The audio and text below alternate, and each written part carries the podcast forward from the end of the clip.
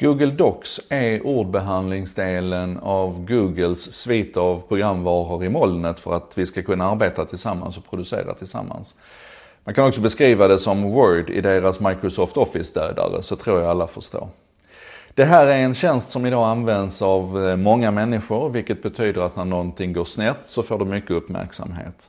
Även om det är en liten procent som drabbas så är den lilla procenten många människor och det är många högljudda människor. Så det blev liv om det här igår. Det som hände, förvisso dramatiskt, det är att ett antal användare som satt och jobbade i sina dokument var helt, ut, helt plötsligt utelåsta från de här dokumenten. Det kunde vara helt oskyldiga dokument och artiklar och texter där det helt plötsligt dök upp en skylt om att, att det här dokumentet det bryter emot mot Googles användarvillkor och därför så har vi låst ner det. Och jag kan tänka mig den paniken man känner när det händer. Um,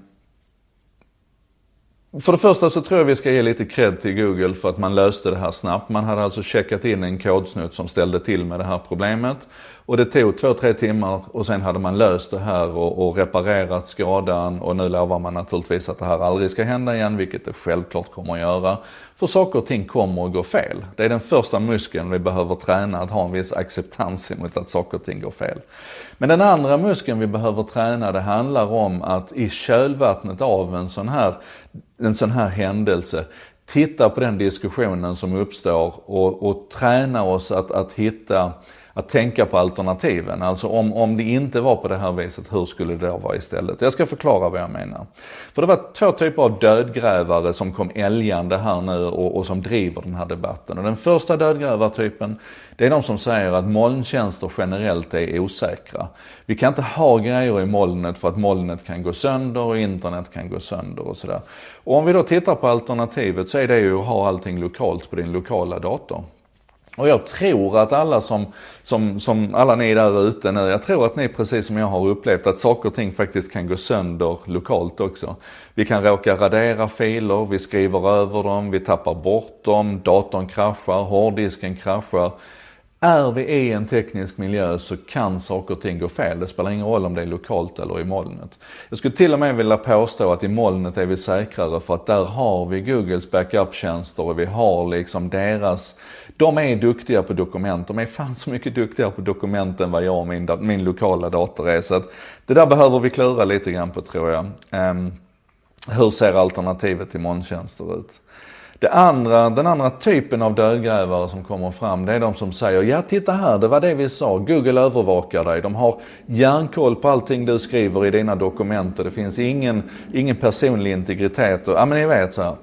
Och då är det så här att för det första, i Googles Terms of Service, i deras användaravtal så står det tydligt att de tittar i dina, i dina dokument. De gör det bland annat för att kunna se till att du, att du inte använder deras tjänster för att sprida malware eller att du inte använder deras tjänster för att samla in känslig personuppgiftsinformation vilket skulle kunna göra att de bryter mot, mot datalagringslagstiftningar och sådana saker.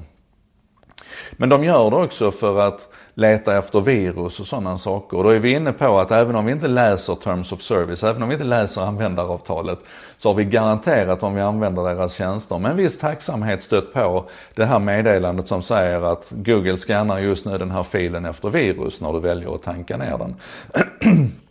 och, och vi vet att, att vi väldigt ofta ställer ganska hårda krav på Google och Facebook och Twitter och de här stora leverantörerna att de ska ha koll på innehållet så att de inte sprider fake news. De ska ha koll på innehållet så att inte busarna kan använda det här för att sprida barnpornografi eller, eller planera terrorbrott och så vidare. Så vi lever ju hela tiden egentligen med den här medvetenheten om att algoritmer från Google ligger och tittar in i våra dokument.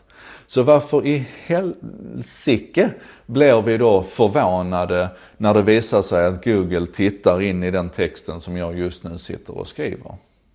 Alternativet till det här det är ju naturligtvis att Google bara är en, en, en, lagringsplattform. Att de inte alls tittar in i våra dokument vilket betyder att vi kommer bli av med en massa funktioner som vi har lärt oss att uppskatta. Det handlar inte bara om, om att, eh, att den scannar virus och, och försöker upprätthålla lagstiftningen utan det handlar ju också om att den föreslår mailadresser till oss när vi skriver mail och föreslår svar i botten på mailen. Att den hjälper oss att, att kontrollera grammatiken i dokumenten. Ja men ni är med. Alltså, Alltså, Det jag vill att vi ska träna på det är att hela tiden tänka på alternativet. När vi tycker att någonting är dåligt och någonting är fel och vi ser folk gå i taket.